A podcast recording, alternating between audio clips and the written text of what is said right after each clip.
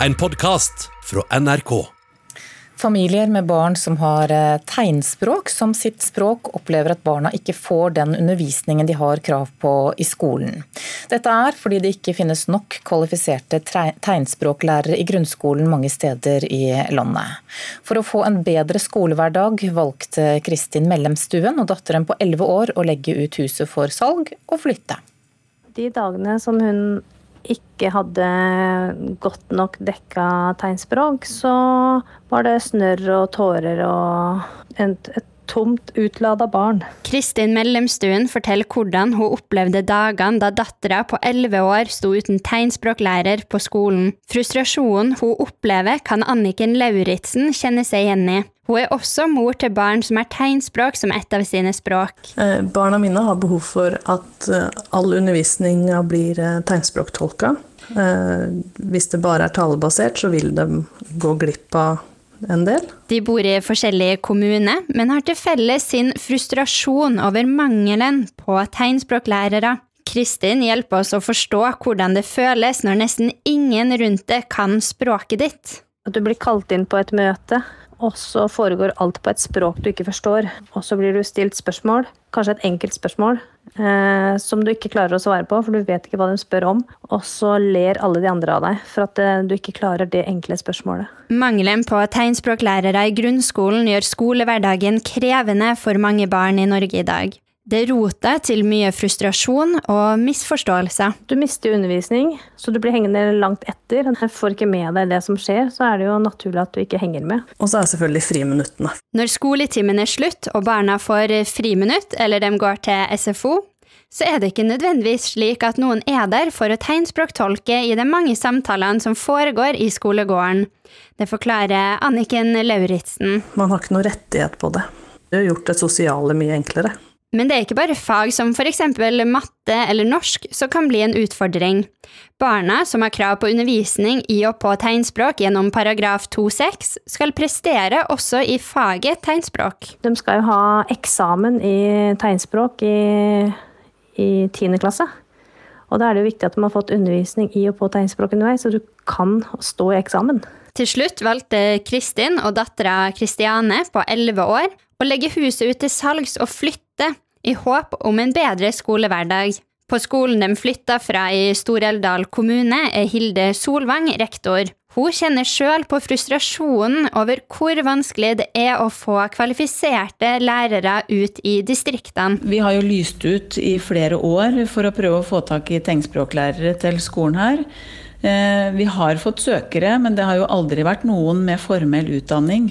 Og når vi vil ha en tegnspråklærer, så vil vi veldig gjerne ha en som er både utdanna lærer, og som i tillegg da mestrer tegnspråket, eh, sånn at du har begge deler. Hedda Huse er avdelingsdirektør i Utdanningsdirektoratet, og hun sier at mange elever med hørselshemninger er integrerte i vanlige klasser og får opplæring der de bor. Hun sier likevel at i mange små kommuner er det en utfordring å få tilgang til kvalifiserte lærere. For Kristiane er det ikke tvil om hvordan situasjonen aller helst skulle sett ut. Dattera mi som nå blir tolv år, sier at tenk om hele alle kunne prata tegnspråk som de prater norsk, så kunne de ha gjort det som jeg har behov for. Da hadde, vært, da hadde landet vært helt fantastisk. Reporter her det var Henriette Bertheussen Isaksen. Så kan jeg fortelle dere eh, om noe svært uvanlig i et radiostudio, nemlig at vi har en tegnspråktolk med oss. Eh, Ida Johansen er med for å illustrere og fortelle til alle nå som ser på TV, selvfølgelig. Dette er jo en radiosending som sendes på TV. Eh, for radiolytterne er det ikke stor hjelp i, hennes virke. Men vi har også med oss Arnfinn Muruvik Vonen, professor ved Oslo OsloMet. God morgen, Vonen. God morgen. Slik det er i dag, så kan man altså ta videreutdanning i tegnspråk eh, på 30 studiepoeng på lærerstudiet deres. Hvor mye lærer man egentlig i løpet av ett semester? Ja, eh, du kan eh, ganske lett tenke for deg, tror jeg, hvor mye du ville ha lært sjøl. Hvis du altså var, hadde en lærerutdanning, og så fikk du et halvt år på deg til å lære et helt nytt språk som du ikke kunne noen ting av fra før. F.eks. kinesisk eller eller italiensk. Så det er litt begrenset, er det det du sier? Ja, at uh, etter et halvt år, selv om du er veldig flink student og står på i det halve året, så er det veldig begrensa hvor mye du kan av det språket når du starter som nybegynner, og det gjør dessverre uh, de fleste av dem som tar denne videreutdanninga. Mm. Um, hva skal vi gjøre da for å få flere tegnspråklærere til elever som har tegnspråk som, som sitt hovedspråk? Mm. Nei, Det finnes det ikke ett eh, enkelt svar på. Dette må man eh, jobbe med veldig langsiktig og veldig bredt. Det handler dels om å eh, legge til rette for at flere lærerstudenter kan lære tegnspråk og bli lærere i faget tegnspråk i løpet av den ordinære lærerutdanninga. Dels handler det også om å legge til rette for at dem som allerede er tegnspråkkyndig, f.eks. døve, kan eh, få eh, tatt en lærerutdanning, bli kvalifiserte lærere. Og så trengs det nok også en generell vi må, vi må, være flinkere å informere generelt i samfunnet om hva tegnspråk er, og hvor viktig det er for tegnspråklige elever at de får opplæring på et språk de har full tilgang til. Men, men er dette ting som dere kan gjøre noe ved ved Oslo OsloMet, eller sitter dere nå og venter på, på Erna Solberg og gjengen? Eh, litt både òg. Vi uh, på, både på Oslo OsloMet og på de to andre eh, institusjonene i landet, på NTNU i Trondheim og Høgskolen på Vestlandet i Bergen, som også har tegnspråktolkutdanninga, så har vi nå fått til Eh, ordninger hvor eh, lærerstudenter kan ta tegnspråk, ett års tegnspråkopplæring som en del av lærerutdanninga si. Og vi jobber også for at det skal være mulig å ta som såkalt masterfag. Det er vi omtrent eh, klar på. Vi har også men hva, hva, ønsker dere av myndighetene? Hva, hva, hva, trenger dere? Ja, vi trenger, vi trenger jo flere studieplasser, altså flere plasser til å gjøre dette mulig.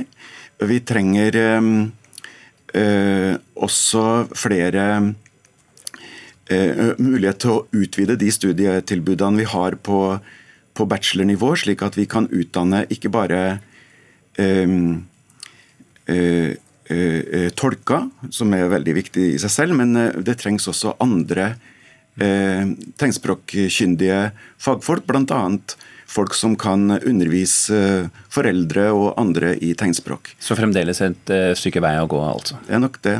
Mm, ok. Arnfinn Murevik Vonen, professor ved Oslo OsloMet, takk for at du var med oss her i, i studio. Takk også til tegnspråktolk Ida Johansen, som har fulgt med for i hvert fall dere som ser på TV.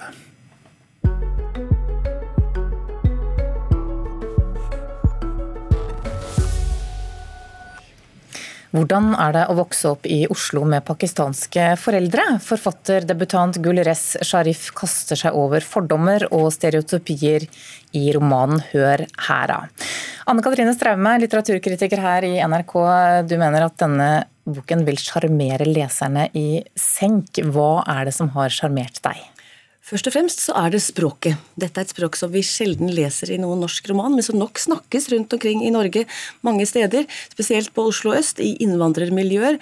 Vi har jo hørt om det før i de som har lest eh, Cezan Shakars debutroman 'Tante Ulrikkes vei'. Eh, men det er et språk som da bryter med normen, men som er et veldig veldig muntlig og veldig fargerikt språk. Så er det hovedpersonen, 15 år gamle Mahmoud, som er en gutt med oppdrift, og som slenger med leppa i alle retninger, og kommer med fordommer og karakteristikker av både pakistanere, nordmenn, av politikere av hele verden rett og slett har han meninger om.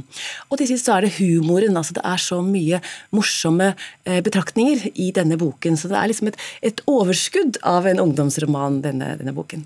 Og Gulres Sharif er altså debutant. Hva vet vi om ham? Vi vet ikke så mye. Jeg vet i hvert fall ikke så mye. Han er født i 1984, og han er lærer. Og jeg tenker kanskje har han betraktet noen elever når han har laget denne skikkelsen sin. I hvert fall så overbeviser han som en som kan beskrive et ungt menneske innenfra. For dette er en jeg-fortelling. Det er Mahmouds egen eh, stemme vi hører hele tiden. Men Hva slags miljø er det han skildrer i denne boken? Det er et miljø på Oslo øst, um, hvor det fortrinnsvis bor innvandrerfamilier, gjerne med pakistansk bakgrunn. Det er i hvert fall eh, den bakgrunnen Mahmoud har. Han vokser opp med mor, far og en bror. Um, faren kjører taxi, moren uh, har vaskejobb. Det er sommer, Mahmoud tror han skal sitte utenfor blokka hele ferien.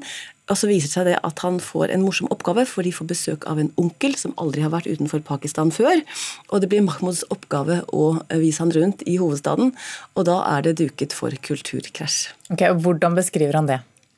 Med mange små morsomme episoder. Men han beskriver det hele tiden fra, med Mahmouds stemme og hans blikk. Så det er han som refererer hva som har skjedd, og hvordan han kommer hjem. Og hvis han ikke oppfører seg ordentlig, så slår moren til ham med en sandal, f.eks. Det er den eneste han har litt eh, respekt for når han uttaler seg også, Mahmoud.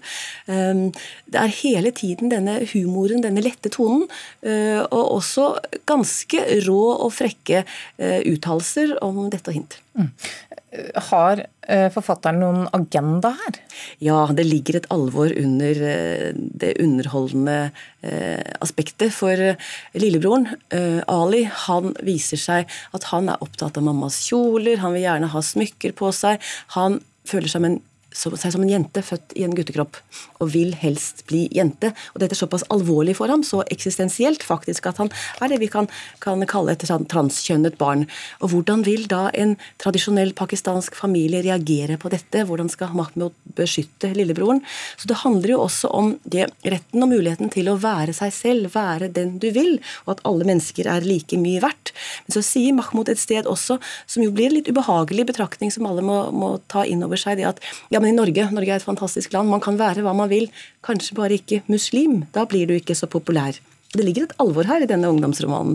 Det er en bok som virker etter at du har eh, lukket igjen siste side. Ok, Så den, han, han, lykkes, rett og slett? Absolutt. Jeg syns nok at til å begynne med så kan han hende at han sånn spriker litt i fortellingen sin.